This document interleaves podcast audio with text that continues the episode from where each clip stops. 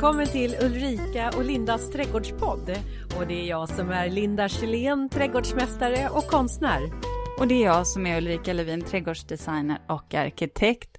Och i dagens avsnitt så ska vi prata lökar.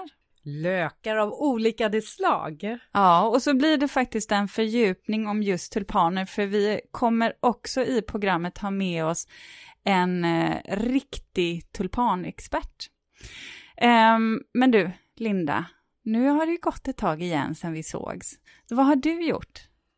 Och det känns inte alls som det var länge sedan som vi träffades, för jag har haft så fullt upp. Jag har ju haft utställning. Jag har haft min konstutställning här på Överjärva gård med vernissage och det är så mycket det är mycket att stå i inför en, en vernissage och, eh, men det blev så lyckat. Vi hade coronaanpassat det så att vi hade gjort det smidigt vid ett fint flöde i hela utställningen här i växthuset där man gick igenom hela växthuset från ena änden till den andra och sen igenom sommarblomsodlingen tillbaks. Och vi, det var självplock av sommarblommor och jag visar mina målningar tillsammans då med Ann som är keramiker här i, eh, på Överjärva gård som också hade sina vaser och som hon hade gjort. För en blomsterbukett blir ju ingenting utan dess vas. Men du, man, som konstnär, har man bestämt, alltså har du bestämt innan vad du tar för ett verk? det är en jättebra fråga. Alltså till viss del så får man gå lite på såklart hur lång tid tar det för mig att måla den här tavlan och hur stor är målningen? Är den 10 gånger 10 centimeter eller är den en gånger en meter? Mycket material har gått åt. Det är liksom en del att sätta ett pris. Ett annat kan ju vara efterfrågan. Eh, jag har bara en unik målning på de här solrosorna och det är många, jag vet att det här är en populär tavla. Det är klart att eh, till viss del så har ju priset en funktion för att eh, minska kanske allt för många eh, intressenter. Och den tredje aspekten är att vissa tavlor har jag nära relationer till som har någon betydelse för mig som jag har svårt att släppa. Och då kan det vara så att prislappen går upp lite. Eller också så finns det ingen prislapp på dem, de är rödmarkerade från början och det är, lite tokigt när man inser att hälften av alla målningar är redan rödmarkerade. Nej, så är det inte. Jag är faktiskt frikostig. Jag säljer mina målningar, men det, är, det, har, det är faktiskt vad jag har gjort. Jag har bara befunnit mig i en konstutställningsbubbla. Och du då Ulrika? Nej, vet du vad, jag har faktiskt på ett sätt haft dig i tankarna också, fast vi inte har eh, setts. Um, för jag var uppe i, i Vemdalen. Ja, ja, det var det ju. Ja. Du, vi pratade ju där, jag gav dig massa tips. Ja, ah. och, och jag besökte alla kan jag säga, förutom hembygdsgården, dit åkte jag inte, för det hann vi inte. Vi vandrade ju mycket. Eh, dels så var det så att jag faktiskt har ett jobb eh, där uppe i Vemdalsskalet. Eh, men sen så, vi slog ihop det där. Vi skulle egentligen ha vandrat längs Jämtlandstriangeln, men på grund av covid-19 så kändes det lite osäkert. Vi hade ingen barnvakt heller. Eh, så ja, vi tänkte om helt enkelt. En kortare men, semestertrip då? Eller? Ja, och så mm. när, närmare hem faktiskt. Mm. Det var så vi resonerade.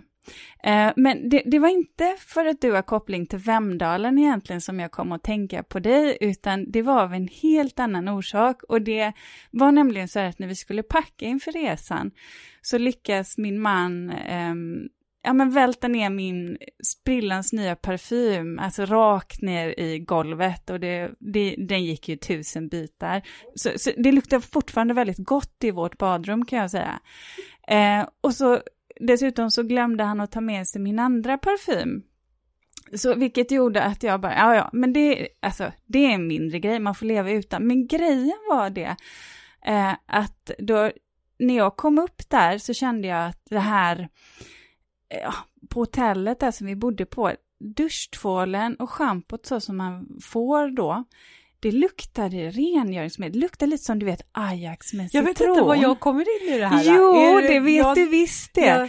För att, kommer du inte ihåg? För jag använde ju herrparfym då istället, för jag tyckte inte om den där Ajax-rengöringsdoften på, på mig. Men jag vet ju Ja, att vet du jag. har använt något helt annat som parfym. Ja, jo men det stämmer. Jag använder rumspray. Men... du måste berätta varför. Nej men äh, alltså det, är väl egentligen, jag vet inte varför, nej men jag, jag tycker att clean cotton doftar så himla gott och, och det är så praktiskt. Om jag nu ändå springer runt där hemma och sprayar så kan jag lika gärna ta några puffar på mig själv och så, så är det, och sen så det, det är budget, det är ekonomiskt. Men och det- vadå, men vänta nu, alltså Ja. förlåt. Har jag missuppfattat dig nu? För jag trodde att du bara sa att du gjorde det här en enda gång. Oj, oj. Utan gör du... Linda! ja, förlåt då, jag kanske gör det. Men du fick... Du fick ju en komplimang första gången du hade det här på dig också. Okej, okej, nu kanske jag outade någonting som jag inte skulle göra, men det är tack och lov att du är generös av dig. Åh herregud. Ja, okej, förlåt. jag vet, jag sitter här, jag doftar rumsspray. Ja, ja, okej. Alltid. Eh, vi drar ihop oss och går vidare. Nej, Linda, sluta skratta. Ja, jag förlåt. Ja, ja. Åh, ja, så här. Vi ska ju prata lökar.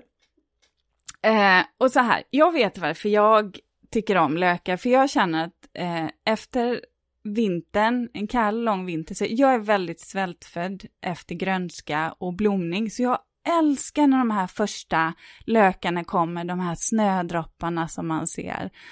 Eh, och vad, vad har du för inställning till lök? Ja, jag, det är samma. Det är ju det här äh, färgklickarna som dyker upp när allt annat är visset och lite torftigt och samtidigt också så är det en alldeles lagom dos utav färger därför att man är ju lite nyvaken i sina ögon efter en vinter och en mörk eh, ja, men mörk årstid.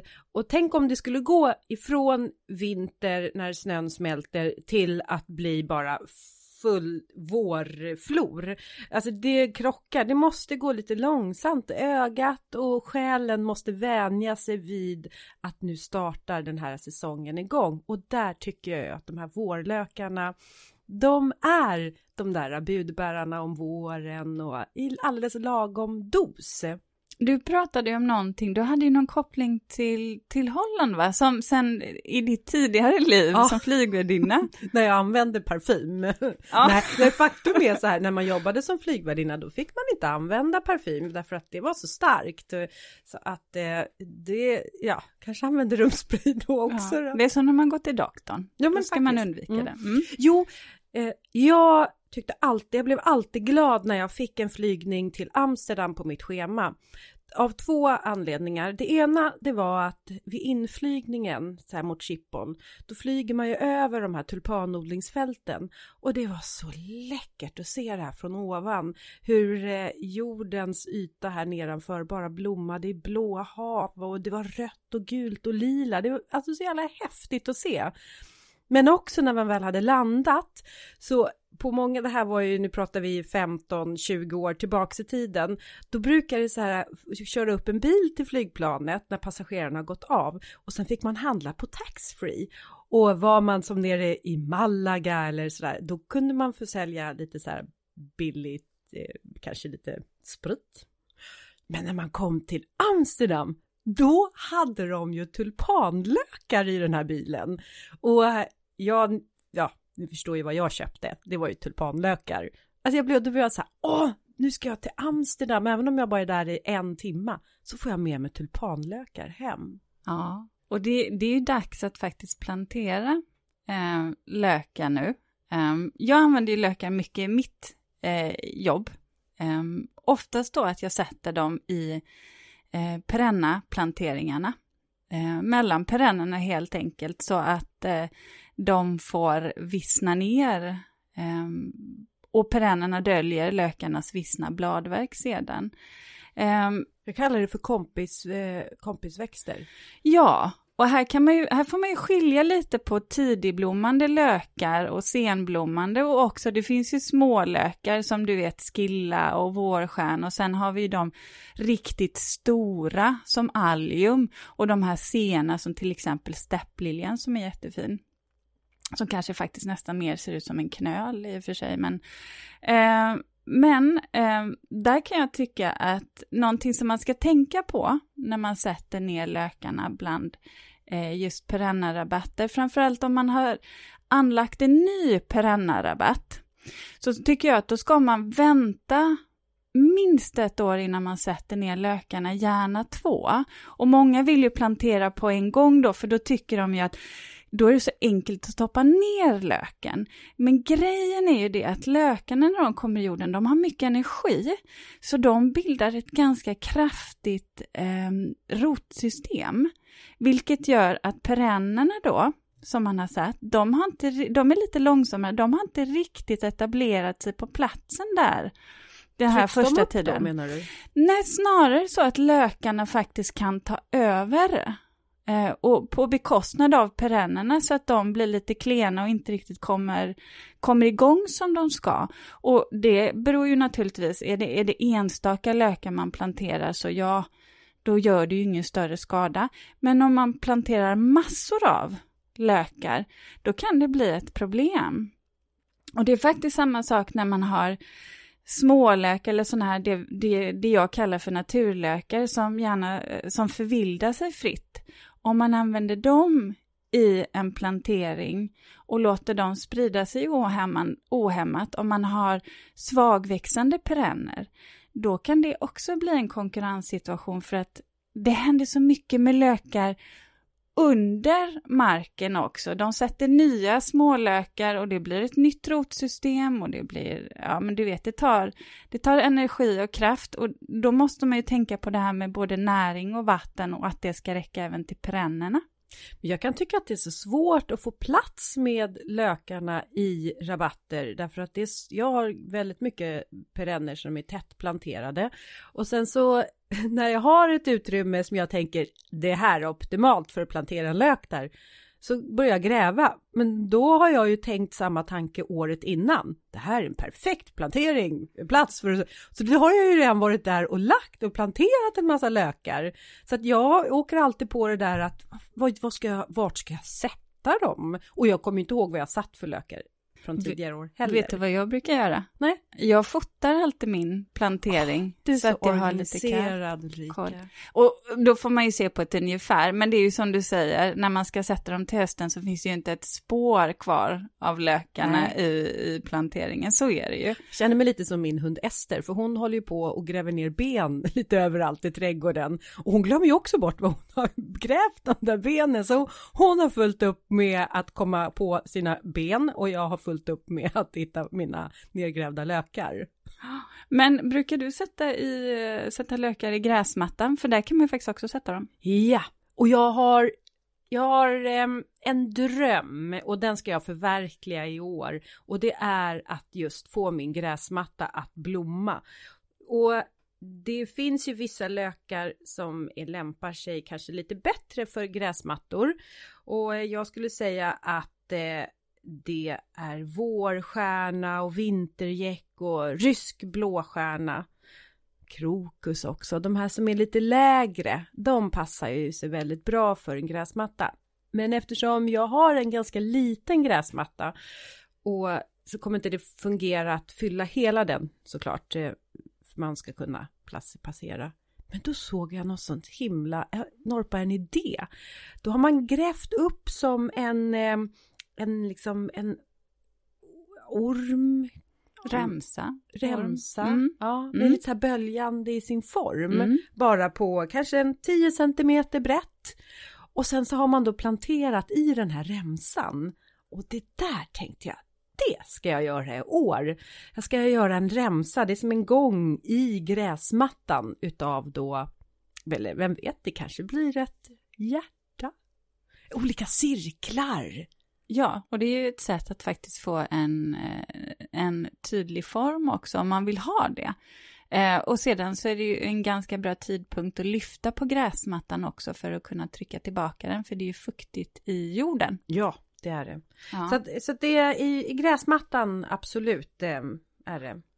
Eh, och vi pratade ju om att det är ju tidpunkt för plantering nu och ofta när jag planterar mina lökar så är det faktiskt precis där i skiftet eh, september-oktober. Jag sätter ju ner alla lökar på en gång oavsett om det är små eller eh, stora lökar som tulpaner.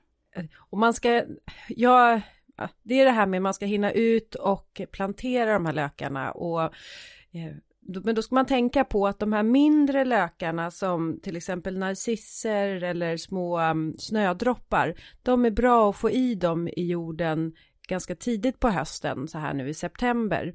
Men jag vet att tulpaner, de fungerar att plantera ända fram tills kärlen kommer. Men Linda, nu måste vi koppla in en gäst på Skype, för vi har nämligen med oss Carolina Visser, eh, som odlar tulpaner uppe i Backsjön, eh, Sollefteå. Eh, och det är faktiskt världens nordligaste tulpanodling. Det är så häftigt. Eh, eh hej Carolina! Hej, hej! Välkomna till uh, Ulrikas och Lindas trädgårdspodd. Ja, jätteroligt. Tack att vara med. Du, jag har, vet att du har just skördat dina lökar, tulpanlökar. Och då undrar jag, det här nu som du har skördat, är det lökar till försäljning för oss då om man är hobbyodlare på hösten? Eller tänker du att det här är till försäljning till nästa höst? Eller hur funkar, hur går det till i ditt tulpanår? Ja, eh, så vad man ska, tulpaner som vi har tagit upp nu i juli-augusti, eh, den ska man sälja detta år eller plantera detta år igen före vinter. Men man ska aldrig spara luckor ett år längre fram. Den torkar de ut, energi försvinner från luckorna. Så ja, våra luckor som vi har tagit upp nu, de håller vi på nu i försäljning. Vi börjar mestadels i september. Så jag ska resa runt i Norrland. Vi har inga marknader, men vi gör det lite på torget på olika stan. Och, eh, och vi säljer våra luckor, så de är helt färska jag rekommenderar alltid kunder, köpa aldrig tulpanluckor i våren. För det är mestadels gamla luckor och man har inte så mycket chans de kommer upp. Ah, men du, då är nästa fråga skillnaden på en höstlök och vårlök. Ja, vårlök är mestadels inga tulpaner. Vårlökar är mer äh, liljor eller andra lökar, andra blommor. Så, ja, dahlia till exempel, ja. Så alla men eh, tulpaner är höstlökar, men eh, köper de inte i våren. I varje fall vad jag vet finns de inte på marknaden än. Ah. Och då är det ju så att september är en väldigt bra månad att plantera tulpanlök i, eller hur Carolina? Ja, är jag inte helt ens. Samma, jag vet alla teoriböcker i Holland och uh, i Sverige kommer från Holland. In Holland uh, är okej. Okay. Så jag måste skilja i Sverige lite på Norrland och Sydsverige. Norrland, samma där får man frost kan man räkna nästan mitt, oktober. Så, men frost, när man planterar i september tidigt, då kan det vara jättefuktigt i jorden. Och så det är alltid mycket regn i september, i varje fall sen jag bor i Sverige. mm. ja. Och den blir det så blött. En, en tulpanlök är likadan som en vanlig lök, som har flera lager kan man säga. Så när de ligger längre i fuktig jord fryser de på utsidan eller ruttnar bort på utsidan. Så när man har fuktig jord en, eller lerig jord också som vi har den kan det vara att yttre sidan fryser bort. Så jag planterar så sent som möjligt. Jag rekommenderar alltid när man har eh, glömt att plantera, plantera dem ändå i vinter. Även på gräs, gräsmattan och köpa lite plantjord. Och samma, den har man otroligt fina tulpaner. Man ska wundra hur fint de blir på våren. Men spara luckar inte till våren. Så plantera just för vinter, när man har fuktig jord. När man har bra dränerad jord kan man också naturligtvis plantera i september. Men du menar alltså att det bästa är nästan att plantera precis innan frosten, eller säga innan kärlen sätter sig i marken? Exakt, exakt. Så vi väntar alltid till första nattfrost. Den har vi haft redan lite för tidigt här. Men eh, uh, samma, vi väntar alltid till, ja, vad frosten torkar jorden lite. lite. Vi, vi har leren jord här. Uh, eh, samma, det är roligt, min uh, eh, morfar och farfar har, var pionjärer i lerjordsodling från tulpanluckor. De alla har sagt det fungerar inte. Men det fungerar jättebra. En ny dags vet de, tulpanluckor från lerjord är inte uh, kanske så stor. Men de har mycket mer energi och starkare. Så jag, eh, ja, våra luckor, alla kunder förvånar sig alltid hur stor och stark våra tulpaner är. Lerjord är ju en väldigt näringsrik jord också så jag kan tänka mig att de får lite på köpet där genom jorden. Men vad är det då som man brukar rekommendera för jord till lökar? Ja, som, som odlare sa jag lerjord. Fördel är också, man behöver inte så mycket vatten. Vatten håller länge kvar. När, när det blir en torr sommar som två år sedan, den har jag lämnat lite ogräs på toppen att skydda där de inte torkar ut jorden. Så man naturligtvis, när man, där det är mycket lättare att en lite bland jord, en lite sant lerjord som är bra dränerat. Eller man har bra dränering under jorden. Det är också bra. Det är lättare, men då ska man inte glömma att vattna. Men de, de flesta, så man, när de är utblommat, de flesta vill inte titta på den eh, topanen, för det ser så gräsligt ut. Men just där ska man inte glömma att vattna eller gödsla den tulpanen, för den växer lyck. Så det, det är en viktig process i tulpanlökodling. Ja, då vet jag Ulrika, du hade en fråga om det här med tulpanlökar. Om man kan... Vad var det du skulle ställa för fråga? Jo, eh, många gånger när man har planterat sina tulpanlökar och så blommar de fantastiskt det första året. Eh, det andra året så, så kanske de inte alls dyker upp. Ibland dyker bara två gröna blad eh, upp. Och Carolina, du kan väl förklara vad det här beror på? Ja, det kan ha flera orsaker. Man, på marknaden finns många tulpanluckor, jättestor, 12 plus eller även större, 14. En den man, man har aldrig sett tulpanlucka storlek 16 eller 20, som man kallar det i våra språk. På grund stora tulpanluckor delar sig upp i små luckor. När man har den sena luckor, samma som blommar sent, den är mestadels har den luckor som kommer, vad den delar sig upp i fler luckor. Den har den små luckor inte så mycket tid mer att växa fram. Det är små luckor om den ger bara ett år efter en grön blad. Så vi ser lökar storlek 10-11 som ger minst två år en bra blomma. Och det ska man titta, när man har tidigt blommande tulpanlökar de har mycket mer chans att överleva den senblommande. Men den senblommande är jättefint. Så jag kan alltid kombinera båda. Men om, men om de här då, större lökarna då, då förökar sig med mindre lökar, kan inte de mindre lökarna då ge upphov till nya blommor? Ja, exakt. Så när man tar hand om denna lucka, så viktigt är, um, när man har sandig jord kan man lämna kvar tulpanluckor i jorden. Vad vi gör också på grund av att vi har lerjord, eller när man har dåligt dränerad jord, ta upp tulpanluckor. Tulpan, den nya tulpanluckan, som är den stora, som har delat upp sig i små luckor, de sitter i gammal skål. Ändå kan sitta vatten kvar. Eller det blir fuktigt mellan dem. Så när man gräver upp den tulpanluckor, man delar upp alla små luckor som man har. Ändå kan man plantera dem igen. Men plantera den små luckor inte för djup. Jag sa alltid, alla luckor, det räcker med dubbelt djup. Mm. Så en gång är luckan. En små lucka skulle jag mestadels peta jag bara ner mellan den stora luckan. Att växa upp. Ja, men när man då har tagit upp de här små lökarna då, då ska man förvara dem på sommaren, över sommaren då, för att man sen ska kunna plantera ner dem då strax före tjälen. Hur förvarar man lökarna under den tiden? Jag kan mestadels bara i skogen. Så man, man rensar lökarna, det, det, det har vi gjort nu. Man rensar lökarna, delar upp de stora och små lökarna. De små luckorna planterar vi igen. Det är vår topanluckodling. Så vi odlar upp små luckor. Men man, den, man har olika storlekar luckor. Så vi sparar från storlek. Hur som vi säger, det tar cirka max två år att växa. Väl, när man vill odla, så vad man också kan göra, odla to, nya tulpaner eller tulpaner från frö. Men när man vill dem från frö till blomning, tar åtta till tio år. Oh. Så den tålamod har inte alla. Nej.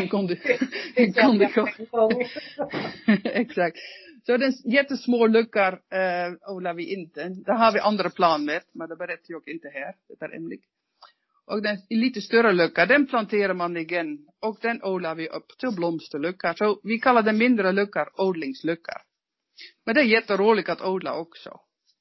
Men då, då är det så här att om man nu då har lökar i sin perenna rabatt eh, och kanske inte har möjlighet att gräva upp de här små lökarna, för det kan man ju göra. Men om man inte gör det eh, och vill ha eh, blomning igen nästkommande år, då kanske man behöver sätta nya i så fall. Ja, det är bra för mig, vet du. Ja. men nej, men samma, det är svårt. Men det finns till exempel sorter man måste skylla lite på olika sorter tulpaner. Man kallar den den Darwin-hybrider. Som jag hör många kunder från, många gånger från kunder, ja på landet har jag alltid röda och gula tulpaner, de kommer år efter år.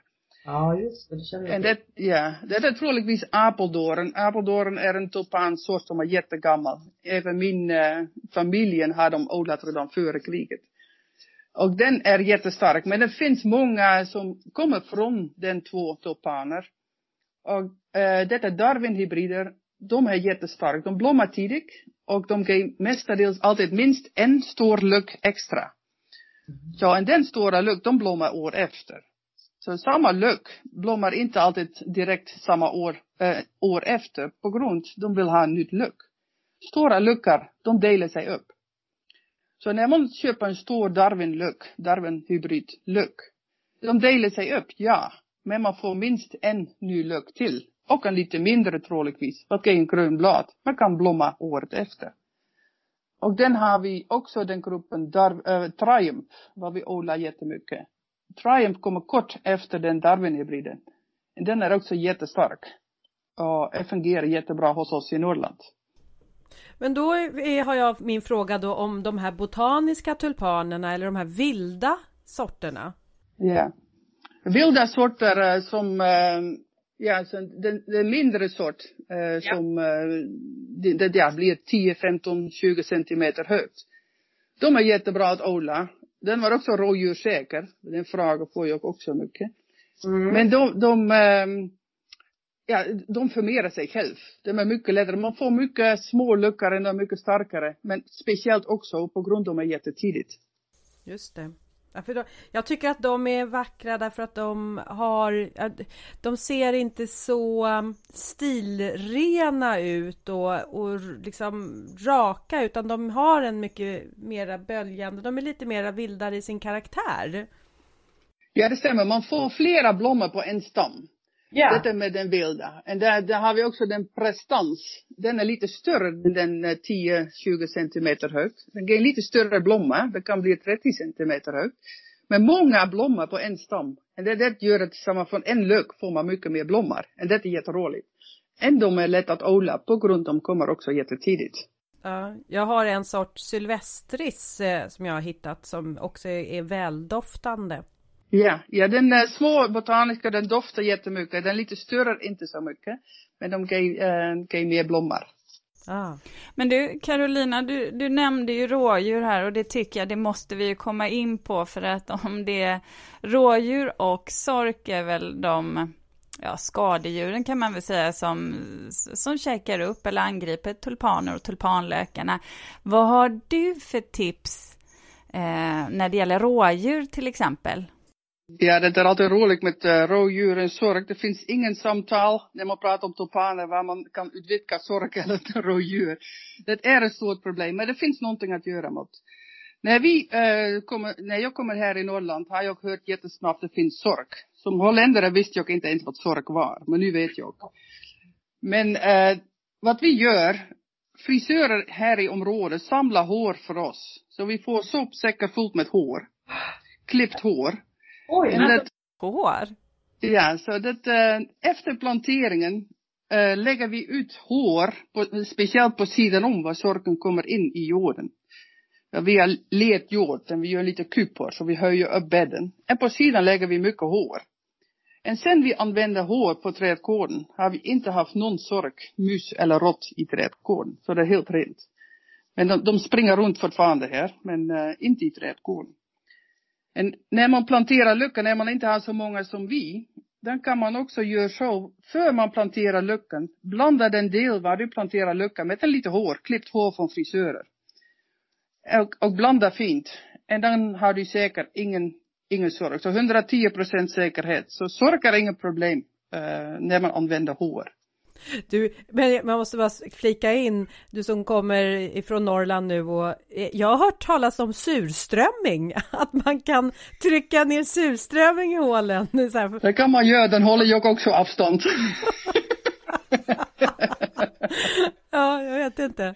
Ja. Då är det väl ingen som kommer gå nära, gå nära den planteringen oavsett, så att jag menar, vad är poängen? nej, nej. Äh, surströmming kan avskräcka det mesta. Ja, men, eh, ja. men rådjur då, Carolina? Ja, rådjur, um, samma den är lite svårare. Än de blir mer och mer kommer de också även i stan, hör jag, olika stan. Men samma där fungerar bäst otvättat fårull. Samma otvättat fårull, de doftar jättestarkt. Och inte bara, ja, det är på grund av doft. Jag hör, hörde inte så länge sedan från en fårbonde när en rådjur doftar eh, får på grund av den fårtalje som sticker i, i ullen, den håller de avstånd. På grund av eh, en får och en rådjur kan ha samma parasit som kan vara dödlig. Så som vi håller nu avstånd med corona, de vet naturligt, när jag kommer nära får kan jag bli jättesjuk. Så de håller distans på får en fårull. Så det är viktigt att outvettat fårull. Så vi, eh, när vi, på stora planteringar hos oss lägger vi ut mycket fårull runt om. Men vi har också, på grund av att det är mer i skogen, också lite elstängsel. Men eh, när man är nära trädgården, bäst när man har inte så många tulpaner. Gör lite otvättat fårull på pinnarna och sätta mellan din tulpaner. Det går jättebra. Alternativet är när man kan inte få tag på fårull. Det finns eh, hos, ja det finns att köpa Tricogården. Det är exakt samma baserat, samma. Det är också eh, baserat på talje från får. Som doftar starkt. Den är jättefettig, så rinner inte direkt bort efter regn. Och den fungerar också bra. Så spruta tidigt på blad, eventuellt på blommor när de kommer upp på knoppen. Och den eh, håller man bort rådjur. Mm. Det, det använder jag hemma i min egen trädgård faktiskt. Det fungerar va? Mm. Ja, även jag har provat det i år och det fungerade också. Ja. Eh, gjorde det. Eh, men du Carolina, eh, om man nu ska plantera sin tulpanlök, du sa ju max dubbla djupet. Vad är det mer man ska tänka på när man ska sätta ner dem? Har du något gödsel i botten? Ja, vi har eh, fina åsnor här på trädgården, på gården, Så eh, vi använder åsnegödsel, hästgödsel är naturligtvis också bra. Kompost är bra, allt vad det kväve är bra i jorden. Och, eh, men också, ja, den, vi använder också um, benmjöl. Benmjöl är bra för alla blomsterluckor att lägga till när man planterar. Man kan det lägga, över, lägga ovanför, på samma när regnen regnar går det ner i jorden. Och detta, detta fosfor som de behövs. En, ja, den lägger vi på hår. En, man, kan, eh, man kan plantera i sandig jord, men där rekommenderar jag plant, ja, blanda lite med plantjord extra, så de har lite mer fukt att hålla sig än bara sand. Viktigt efter det är, samma den blommar de i våren, samma planteringen, sa jag, är inte så svårt. Eh, det är mer efter det. Så när de har blommat fint och ni har njutit av blomma, ta bort blomma. Bara just under blomma ska man klippa bort blomma. När man inte gör det, då kan det komma en frökapsel. Och den kan gå all energi från tulpanluck till frökapsel.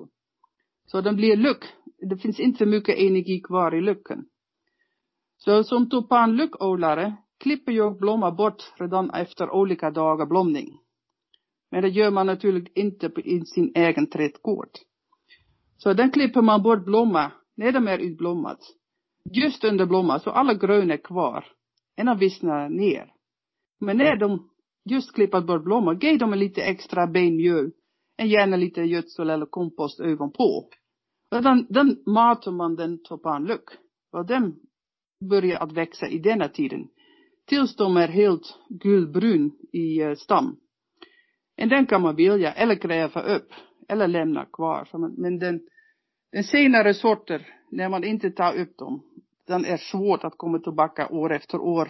När det blir lite fuktig i jorden. Men den tidigare sorten, den kan fungera jättebra ändå. Mm. Du, det är inte bara eh, tulpanerna som behöver näring och eh, utan jag tänker också att du, eh, du anordnar ju tulpanfestivaler, att det kan ju också vara eh, även för sinnet att du bjuder in eh, och öppnar upp din odling eller så att eh, man kan komma och besöka. Ja, det är alltid rått, äh, jätteroligt. Detsamma, därför gör jag en stor del, den glada minen jag får i våren. Ja. Våren hos oss är, äh, ja vi börjar slutet av maj. Normalt öppnar vi på morsdagen en tre veckor framåt. Har vi Norrlands tulpanfestival. Och äh, ja, den, äh, där kan man titta på 60 till 100 000 blommande tulpaner. Åh herrejösses alltså, det är som att vara i Holland på en tulpanodlingsfält. Ja, just lite mindre stor, men, uh, men ja, vi har alltså cirka 60 till 70 olika sorter just nu. Så man kan titta. Är det självplock då? Får man plocka tulpaner då? Nej, jag plockar. Men samma vi har upplevt när folk gör att själv, de ramlar ner på mellan tulpaner, det har brutit för mycket. Folk? ja, ja. Så men, um, man, man, kan välja ut. Så man, vi har en stor trädkort med cirka 60-70 olika sorter en dan kan man välja sin egen bukett och vi plockar upp. En, man kan köpa tulpan med lök, så inte utan lök, med lök. Och eh, naturligtvis får man alla tips uh, vad man ska göra att odla fram den sort. Än om de är lätt eller inte lätt. Så det, uh, man, man får en guidning när man är här och man kan fråga som man vill till mig alla frågor som man har runt om tulpaner. Ja, då, då är det ett strålande besöksmål eh, norr, norröver. Men du Carolina, eh, när du sa att du har så vansinnigt många sorter, sorters tulpaner i din odling, då måste jag ju fråga, vad har du för favoritsort? Ja, som odlare fokuserar jag på den tidiga sorten. De är lättare för mig. Men också den sorter som eh, var blom, inte, blomblad inte ramlar så fort på jorden. Och samma blomblad, när den ramlar på, på jorden, den kan det ge mycket till slut. Så det är därför eh, tittar jag gärna på sorter som blommar inte ramlar direkt ner. Och där är min största favorit är Monsella. Monsella odlar vi redan över tio år. Kan du beskriva den, hur den ser ut? Ja, det är en dubbla tulpan. Uh, gul med röda strimmor. Oh. En doftar jättegott. En, jag sa alltid våra backsjö, backsjöblandning heter det. Det är uh, Red Wet Frisian, riktigt röda, riktigt jättefint röda färg. Tillsammans med Monsella, den gula med röda strimmar. Och Strong Gold, det är en gula Triumph tulpan som är också otroligt stark. Strong Gold, så det är en riktigt uh, bra tulpan. Och den trä odlar vi redan tio år från början. Och den, den, uh, ja den har man så tre, fyra veckor blomning, bara med den tre sorter. Mm. Och det är så roligt också att köpa en, eh, ja, vi erbjuder någon gång fem veckors paket när jag är på marknaden. Man börjar med en jättetidiga till en sen tulpan, så man har blomning cirka fem veckor, när man inte har temperaturer 30 plus hela tiden. Men, det, det är jätteroligt. Och den senare tulpaner, till exempel Spring Green, Esperanto, Black Hero. Ah, ja, det är mörka tulpaner som Black Hero och så vidare och eh, andra svarta.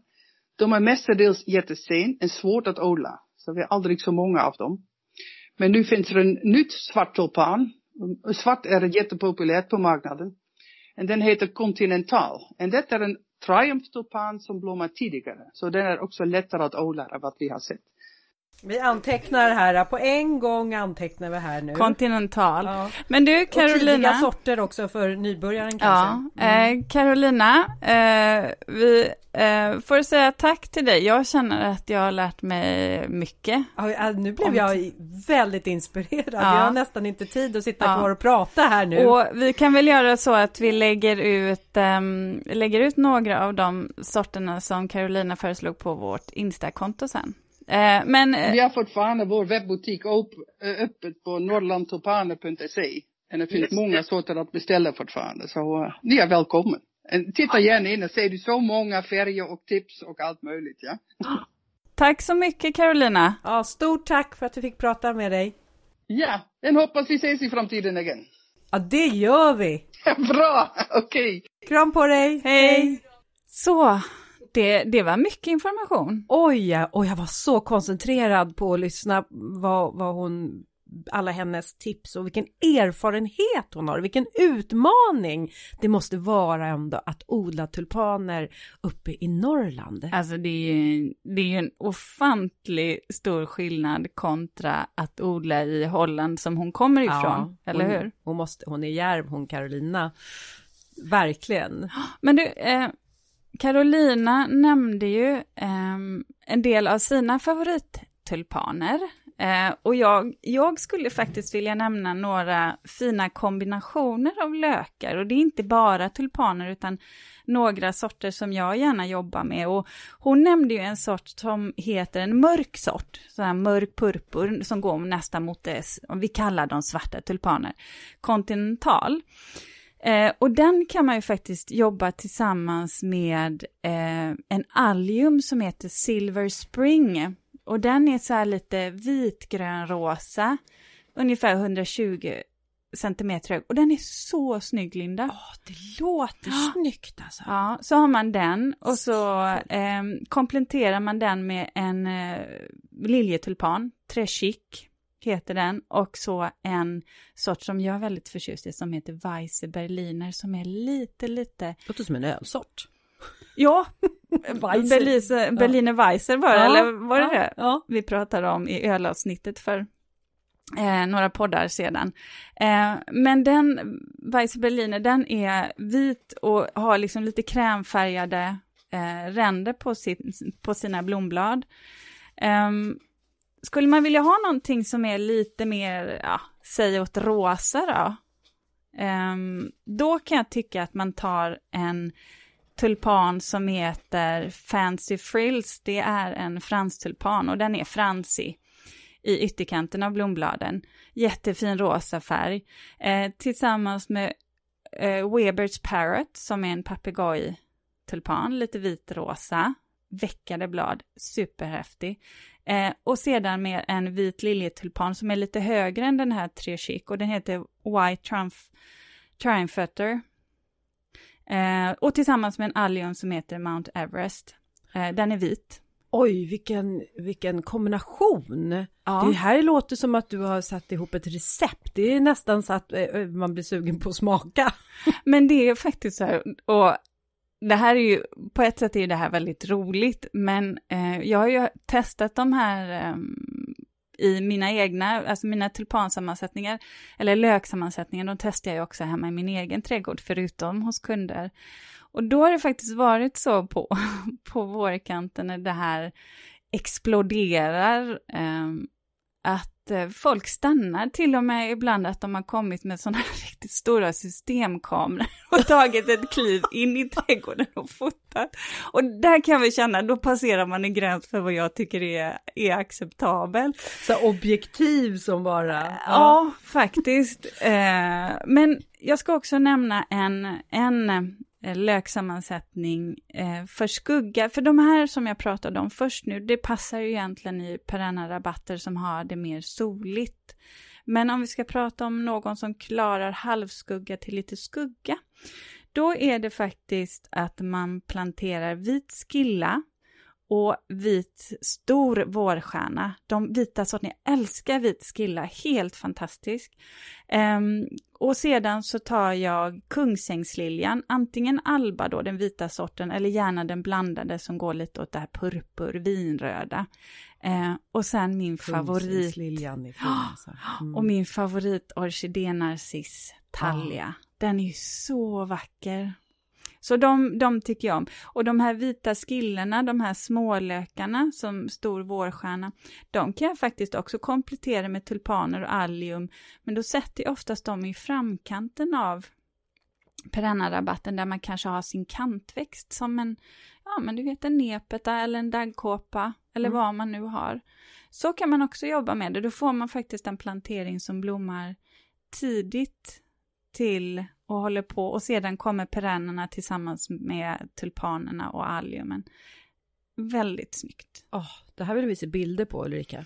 Det kan ni få. Kan vi det? Ja. ja. ja. Då, ska vi, då ser jag fram emot att eh, ja. få visa det för eh, alla våra lyssnare. Du då Linda? Jo, eh, jag jag har också mina favoriter, men jag eh, har ju en förkärlek att göra det lite enkelt för mig. Så att jag brukar faktiskt gå loss på såna här eh, redan färdiga blandningar som man kan köpa, färdiga mix. Så. Och de kan heta allt ifrån Be My Honey den var ju lite rolig. Eller hur? Ja. ja. och då förstår man att det här är ju då eh, sort lökar och oftast är det här alium, olika sorters alium är det, som då är framtagna för att locka pollinatörer tidigt på våren. Men det kan också heta pink perfume och då fattar man ju att det här är någonting som är väldoftande sorter. Eller eh, för den delen romantic garden också. Eh, men den som jag ändå har som en favorit, det är en mix som har en eh, tulpan som är lite mera vild i sin karaktär. Jag gillar ju de här vilda som ser busiga ut och inte så tillrättalagda ut. Och det är en mix, den har den här tulpanen Hearts Delight och sen har den eh, narcissen Minnow och sen även Balkansipp trappan med White Splendor. Men vad är det för, White Splendor, det, det kan nästan lista ut mm. vilken färgsättning det är, men de andra lökarna? Ja, alltså den här narcissen, den är ju eh, i sin, den här eh, liksom milda eh, milda, alltså jag ska säga att den är, den är mild gul, men den ser lite ut som, om jag kan säga det, som en liten pussmun. Aha, okej. Okay. Ja, den, jag kan, jag, nu visar jag dig en bild här Ulrika så du får se. Men där ser du den. De är, eller nästan som majblommorna ser Ja, ut som. faktiskt majblomma skulle ja. jag vilja säga. Så att den här Minnow, det är alltså en, det är en liten narciss. Den är alltså, den är inte större än kanske vad kan det här vara, 3 centimeter, mm. 2,5 centimeter mm. diameter. Väldigt tydlig mitt också, ja, mitt, väldigt distinkt. gula pussmunsmitten. Mm. Och sen så tulpanerna, de är de här eh, mer gracila och inte så höga eh, som får lite röd ton på utsidan av kronbladet men när den vecklar ut sig och öppnar upp sig så eh, är den vit med och då har det här röda övergått lite mer till cerisrosa. Och sen då till balkansippan som blommar i lite eh, sådär svalt blått. Mm. Men då tänk, tänker jag att vi kanske också ska prata om vad man använder för verktyg. Vad brukar du ha när du petar ner lökar i jorden? Ja, men jag har... Alltså vet du hur jag gör när jag planterar? Jag tar alla mina eh, lökar i min hand och sen kastar jag ut dem. Mm -hmm. Mm -hmm. Mm i eh, rabatten. Och ofta, eftersom jag nu har så fullt i mina rabatter så det inte finns plats eh, att, i rabatterna så har jag gått över till att istället ha dem under min eh, Spirea spirea-häck. Aha. Okay. Du förstår vad vackert ja. med den där spirean va? Mm. Nej, men du tycker Just det, men lökarna kommer ju först. Ja, precis. Ja. Sen får man blunda. Ja, så får man blunda. Nej, men jag Nej, kan men... tänka mig att din mm. spirea kanske är en av de mest välskötta spireaekarna. Ja, kanske. Men mm. det jag ska säga är, när man då använder sig av ytan under den här häcken, för den är liksom kal, är den ju ner till. Och så fyller jag på här med alla dessa eh, tulpaner och narcisser och, och allt vad det är blandar, jag kommer ju inte ihåg vad jag satte ner från föregående år. Eh, så på våren då blommar det liksom ut med hela kanten på trädgården och det är också sådär generöst för jag odlar ju främst blommor för att få plocka. Mm. Och när jag planterar lök så blir det någonstans att dels så kan jag jobba, ifall man ska ha en väldigt naturlig plantering, då, då är det här ett tips att faktiskt kasta ut lökarna. Men jag brukar också tänka lite på utifrån lite större lökar, det kanske jag planterar mellan de här perennerna som i sig är lite större och som sitter lite mer glest. Eh, och sen så ibland sätter jag dem i grupper eh, ifall man vill gruppera, men ofta så tycker jag att det är finast om de kan få komma ja, men upp som solitärer mm under, på en ganska stor yta snarare än att man sätter dem i, i klump. För det är svårt att fylla i en perennarabatt. Om du har många tulpaner eller allium så blir ju ändå bladverket ganska stort och då, då, då blir det svårt för perennen att täcka det här sen. Mm. Mm. Man får inte tillräckligt med plats som du säger. Men eh, när vi pratar verktyg som vi nu ska prata också, så finns det ju sådana här lökkorgar som man kan använda sig utav.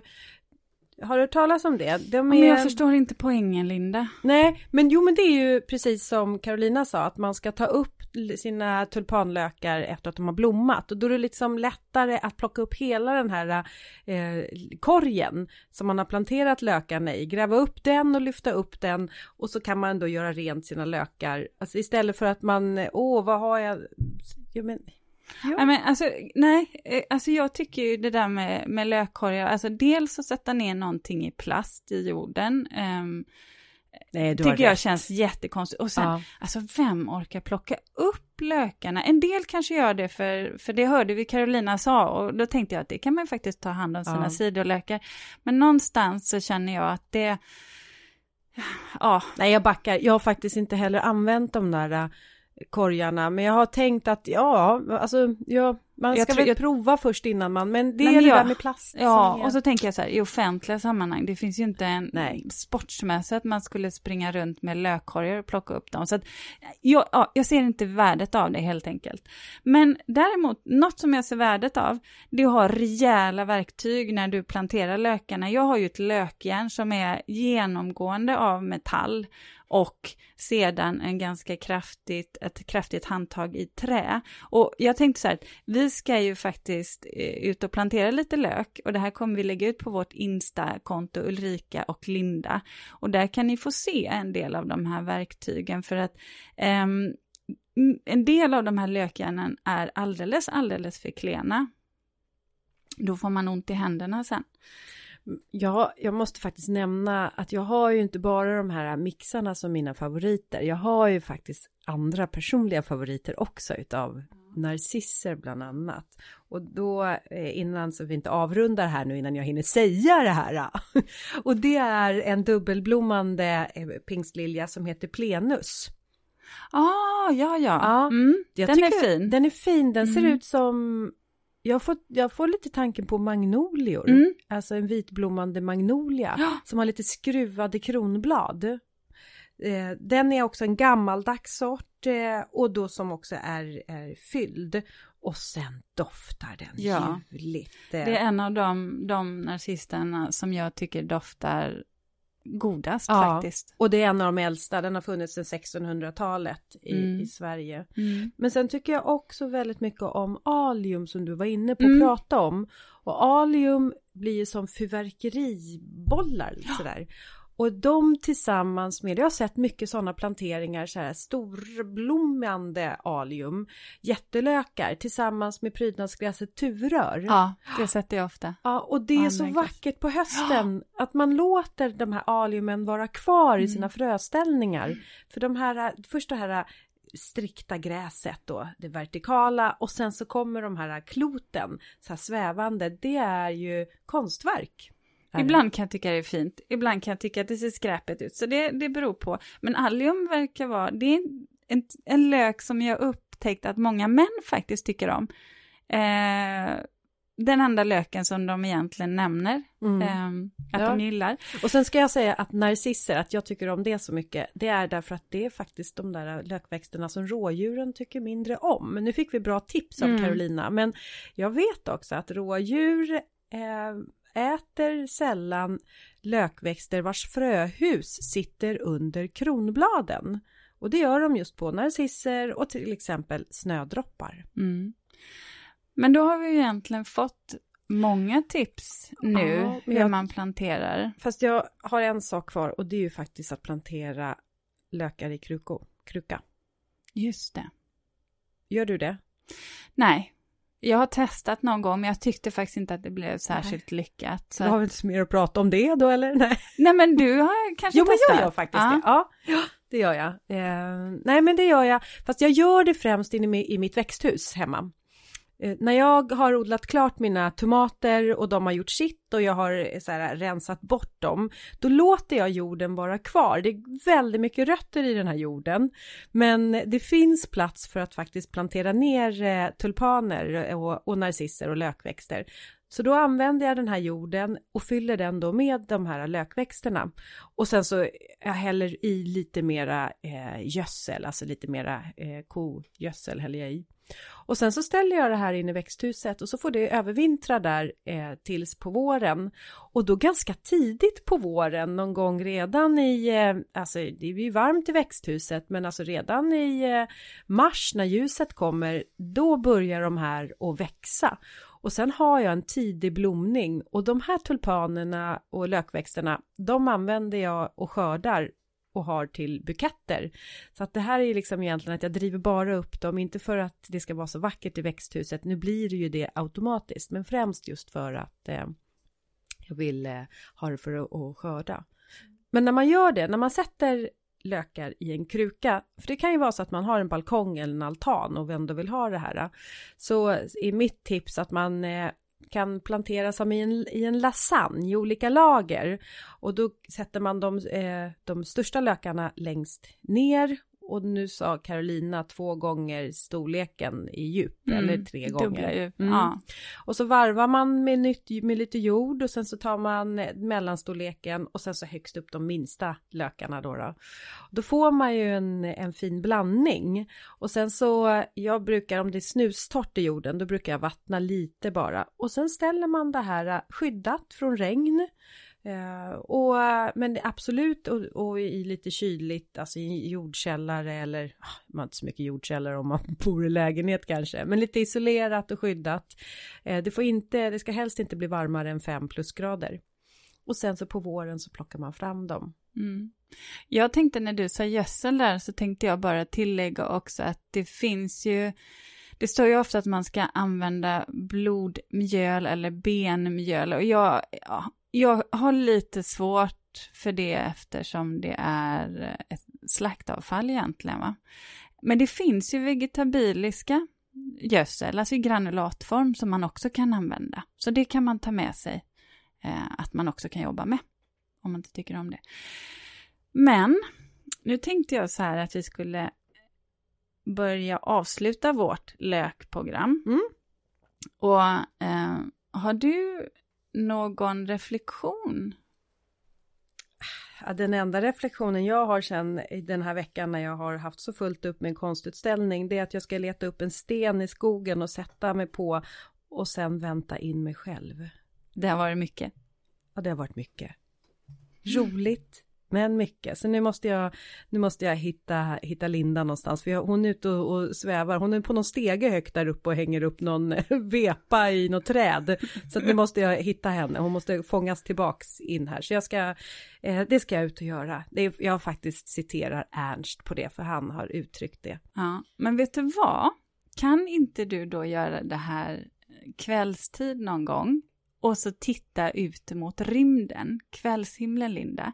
För vet du, jag har nämligen läst en bok som heter eh, Vårt klot är så ömkligt litet av Ulf Danielsson och han är eh, en professor i teoretisk fysik och han har forskat om, ja men du vet de här stora frågorna som finns i rymden, om tidens början, svarta hål och mörk materia till exempel. Eh, en väldigt intressant bok, men det jag också tog med mig eh, var att det finns en bild i, i den här boken på jorden som då bara är omgiven av du vet, den här svarta rymden. Och det jag insåg är att vad otroligt utsatt vårt jordklot är i rymden som ändå är en väldigt ogästvänlig plats. Um, och vilken skör balans vi lever i på jorden i förhållande till de oerhörda krafterna som planeten själv besitter, alltså fysikaliska lagar.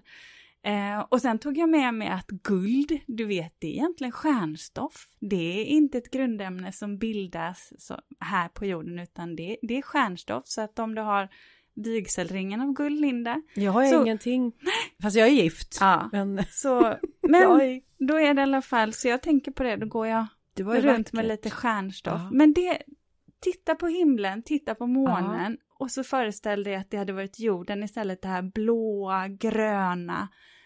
Och så tittar du bara på hur otroligt svart det är runt omkring. Jag kanske blir rädd då. Att det är så, att man är så liten på... Man funderar lite, man får andra perspektiv och det ja. tyckte jag att den här boken gav mig. Så mm. det har jag gått och funderat på. Och hur stort egentligen en gogol är. En etta med hundra eh, nollor efteråt. Det är ni, om vi ska prata nu sitter Linda. som Linda. ett frågetecken här. Hon sitter på sin sten ute i skogen och väntar in sig själv. Hon ja, kan inte ta precis. in allt det här Du kan inte göra det en gogolhår. Men du, um, vi, vi avslutar här tycker jag. Ja men det gör vi. Ett jättetrevligt avsnitt idag Linda. Ja, ja det var det. Ja. Och som alltid så finns vi på Instagram. Följ oss där och hör av er om ni har ämnen ni tycker att vi ska prata om. Och vi är så glada för att ni lyssnar. Ja, och fler avsnitt att lyssna på. Ja, tack och hej! Tack och hej!